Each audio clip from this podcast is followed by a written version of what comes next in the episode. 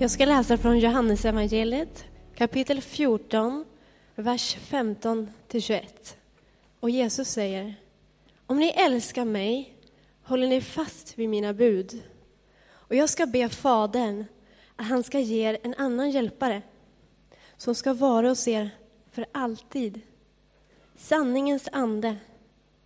Världen kan inte ta emot honom, för världen ser honom inte och känner honom inte. Ni känner honom. Och han förblir hos er och ska vara i er. Jag ska inte lämna er faderlösa. Jag ska komma till er. Ännu en kort tid, och världen ser mig inte längre. Men ni ska se mig, för jag lever och ni ska leva. Den dagen ska ni förstå att jag är i min far och ni är i mig och jag i er. Den som hör mina bud och håller fast vid dem är den som älskar mig. Den som älskar mig ska bli älskad av min far och jag ska älska honom och uppenbara mig för honom. Så lyder det heliga evangeliet. Be gärna med mig. Tack Gud för att du är här. Kom heliga Ande. Låt oss märka dig, helige Ande. Amen. Pingst, den helige Ande, kommer över dessa lärjungar som var församlade. Det handlar om att du kan veta allt. Du kan ha all kunskap, du kan ha sett allt, hört allt och ändå finns det någonting kvar. Någonting mer, någonting extra. Och detta extra, detta något mer, den heliga anden, den märks i oss som en frustration ibland, som en längtan, som en brist. Som en evighetsbrist. Och pingstdagen handlar om att denna längtan på något sätt blir mött genom den heliga anden. Det betyder inte att kunskap inte är viktigt. Det betyder inte att det inte är viktigt att ta reda på saker. Jag jobbar, när jag inte är i kyrkan, så jobbar jag på universitetet med vetenskapsteori och en masterutbildning i evidensbasering. Så jag ägnar hela dagarna åt att folk ska få ny kunskap. Men det betyder att den kunskapen är inte allt. Det räcker inte hela vägen för den evighetssmärta som ligger nedlagd i oss, det vi längtar efter. Den helige Ande behövs för det. Och man kan se på hela den kristna historien, hela den judisk-kristna historien, den bibliska historien från början till slut som en berättelse om människor som längtar. Det börjar i den pingst som var innan den kristna pingsten. Det var ju judar samlade i Jerusalem där den dagen när anden föll. Och de var samlade på grund av den judiska pingsthögtiden som bland annat handlade om att man firade den första delen av skörden. Det vill säga, man behöver mat, man behöver äta och man firar att nu har det kommit. Och nu ber vi att det ska fortsätta komma. Människan längtar. Och så handlar hela Bibeln om detta. Och ska man vara helt ärlig så handlar väl hela världslitteraturen om längtan. Gör den inte det? Vi kan plocka var som helst. Marx handlar om en brist på materiella egendomar, en dålig fördelning av resurser och så ger han förslag på hur detta ska lösas. Existentiell filosofi, hur människans meningslöshet och den bristen på något sätt ska hanteras. Populärkulturen. Vilken sång handlar inte om längtan? Ofta längtan efter att den rätta, the only one, som Ryssland sjöng igår, var det va? ska möta min längtan och min brist och göra mig hel. Det som är speciellt med Bibeln det är att här sitter längtorna ihop. Om man har läst Bibeln och, och fattat någonting av det, då blir liksom alla de här andra längtansbeskrivningarna och lösningarna på dem, de blir lite halva kan de kännas. Därför att de hittar en brist, en längtan och så jobbar de med den. Men Bibeln, där sitter det inre och det yttre ihop. Där är det inte bara meningslösheten utan också den sociala oron eller oredan. Det individuella och det kollektiva, det sitter ihop och det sätts ihop i längtan efter Gud. Och Gud är den som på något sätt har med detta att göra. Man tror att Gud kan göra oss hela, både inre och yttre. Både jag och samhället. Och den texten som Joakim läste från Joel, den handlar ju om precis det här. Den boken handlar om ett samhälle i oreda, där det inte fungerar. Och så kommer det ett svar på det, och Guds svar på det, det är att den heliga anden går ut till alla, till var och en individuellt. Och detta sitter ihop med ett samhälle som har slutat fungera och som Gud har sett och vill rädda. Och så fortsätter när vi fortsätter in i Nya testamentet. Så är det några unga människor som möter Jesus och följer med honom. De kallas lärjungar.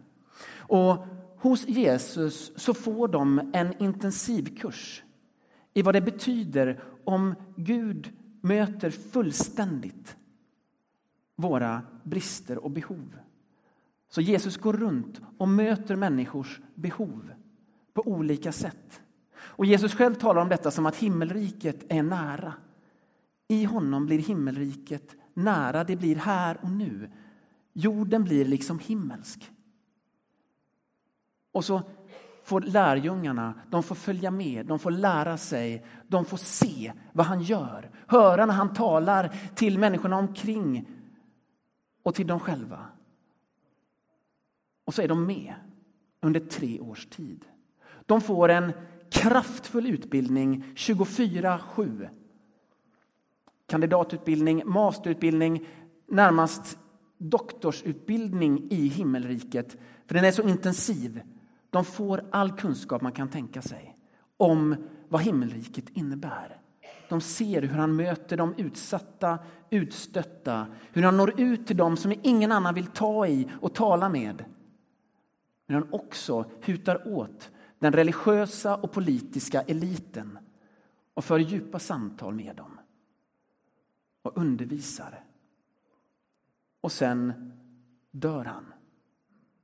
Jesus dör och blir borta en stund. Och så kommer han tillbaka. Och de fattar ingenting. Trots all utbildning så har de inte fattat. Och så måste han berätta för dem igen. Ja, men det här måste hända. Om Gud ska möta vår längtan, om himmelriket ska komma, om vi ska vara på väg, då måste detta hända. Jag måste dö. Och så förklarar han för dem och går igenom skrifterna. I 40 dagar så pratar han med dem och förklarar. Och sen försvinner han igen. Och det var tio dagar sen. Det var Kristi himmelfärds. Han försvinner igen och så lämnas de ensamma. Och de är blanka. Det är känslan när man läser om detta. De är blanka. Vad ska vi göra nu? De har lärt sig allt. De har sett allt. De har hört allt och varit med om allt. Och ändå är de inte framme. Det kanske man kan känna igen sig i. Och så är det tio dagar av väntan. De väntar tillsammans. Tillsammans så väntar de. För han har sagt, jag ska skicka en hjälpare. Jag ska inte lämna er ensamma. Det ska komma någon. Och så väntar de, för de litar på det.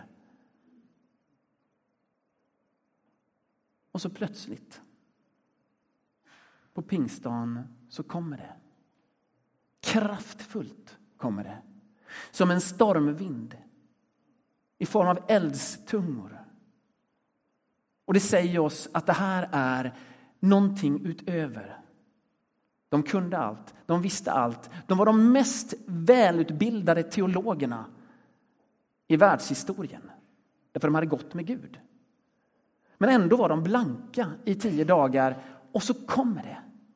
Någonting som liksom är bortom. Kraftfullt. Och det stannar inte hos dem. Utan alla undrar vad det är som har hänt. Och så hör folk. De hör om Gud på sina egna språk, även om de kommer från all over the place. Så hör de om Gud. Dagen har kommit, den som Joel profeterade om.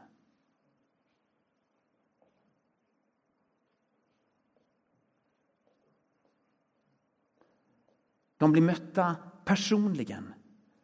Men det händer något kollektivt denna dag. Det inre och det yttre. Okej. Okay. Bra. Vad betyder det för oss? Att den här historien kommer till pingstdagen. Att anden utgjuts, att längtan på något sätt har nått sitt mål. Vad betyder det för dig? Vad betyder det för dig som kanske är i den här kyrkan för första gången? Som kanske är i en kyrka för första gången, liksom på riktigt sådär, förutom att man passerar förbi när man är, reser runt i Frankrike eller sådär, om man nu gör. Vad betyder det för dig? Ja, det skulle kunna betyda att fastän du inte förstår alla ord och allt som görs så känner du igen någonting. Det finns ett tilltal, en atmosfär som säger dig någonting om en inre längtan som du faktiskt har. Och då säger det dig att du får tro, eller i alla fall tänka att det du känner av inte bara är skickliga musiker, fantastiska sångare, välförberedda ord, utan att det säger någonting om Gud och att det säger någonting om dig. Och att det du känner igen är ett universellt språk. Du får tro att det är den heliga anden som är här och talar till dig. Det är fritt fram, liksom. Man får tänka det. Och kanske säger detta någonting till dig som har vuxit upp i kyrkan.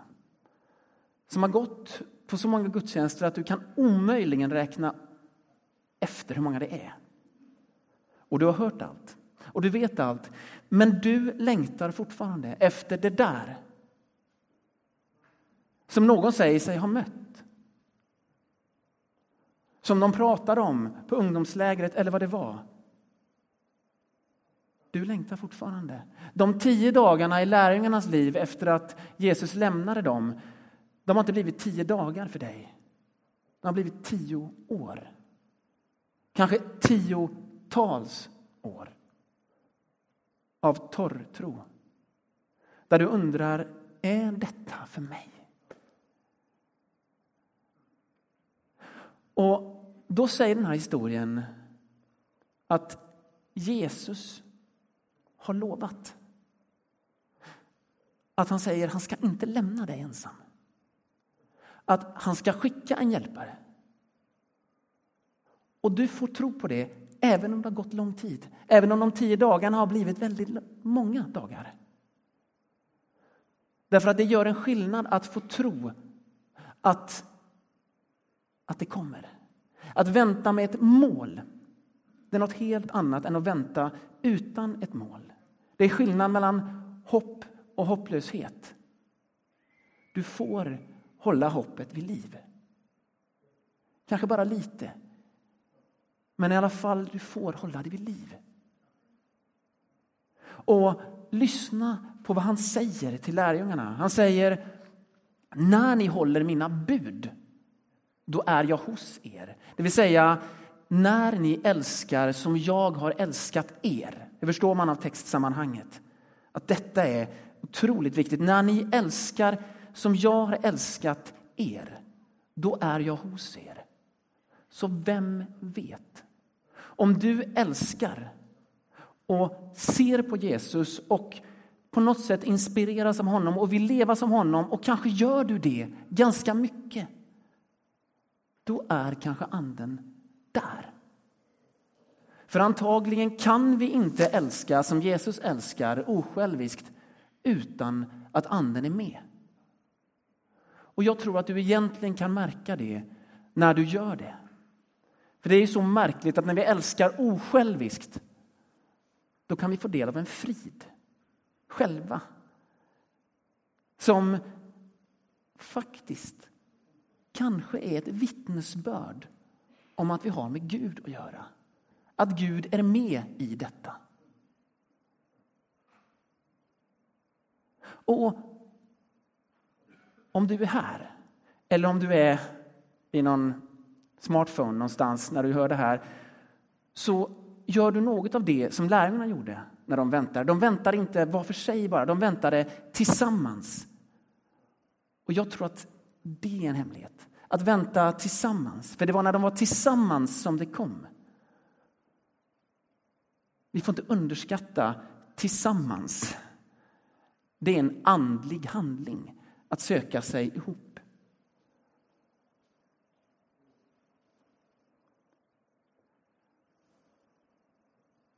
Men du då, som har varit med om den heliga Ande. Du som har varit med om stora ting och nu undrar vart tog det vägen? Som liksom är tillbaka i någon slags tio dagar som har blivit Vart tar det vägen? Varför denna frustration? Varför är jag inte hel? Jag har fått del av den heliga Ande. Kanske är det så att den heliga Ande yttrar sig på väldigt många sätt. Och att vi ibland har fäst oss vid de yttringarna som var i Apostlagärningarna 2, som Joakim läste. Att om vi inte hör stormvinden eller elden så tror vi att han inte är där. Anden inte är där. Och det är ju en grav missuppfattning. Det som det säger är ju att det går bortom. Vi har inte kontroll. Men om vi börjar bestämma att det är så det ska se ut, då har vi ju liksom försökt ta kontrollen över anden. Det ska se ut så här, annars är det inte anden. Men anden möter oss på tusen olika sätt. Utifrån våra behov och utifrån vad han vill med våra liv. Så våga se det. Även upplevelsen av brist, även upplevelsen av frustration kan vara ett andens verk. Ja, men sa jag inte att man blir hel av anden? Jo, men att bli hel tillsammans med Gud, det är att få del av Guds frustration över sin församling som inte är färdig. Där människor fortfarande inte är så mycket del som de borde vara. Som de skulle kunna vara. Att bli hel tillsammans med Gud och få del av hans verk i att få del av heliga ande, det är ju också att få del av hans tårar över en stad där så många är utanför.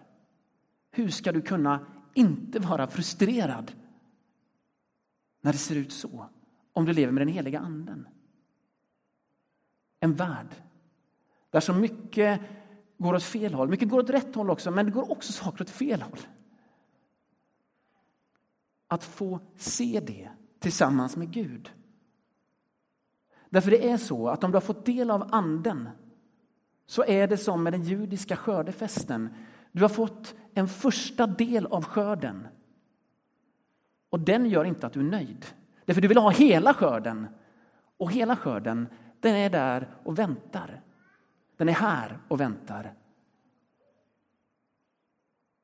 Så pingstdagen, den är bara början. Den är början på Guds verk, början på slutet av det liksom. Följ med i det. Var med i det. Hoppas inte på att nu ska du kunna slå dig till ro med den heliga Ande. När den heliga Ande den för dig vidare. När den heliga Ande mötte dem där, boom! Då var det som att det omedelbart märktes runt omkring. De gjorde inte upp några planer för hur vi ska nå ut. Utan det märktes direkt i Jerusalem och folk kom dit. Därför att det hade hänt någonting. Därför att människor hade fått sin längtan mött. Det som vi alla längtar efter hade kommit. Och det fortsätter att komma.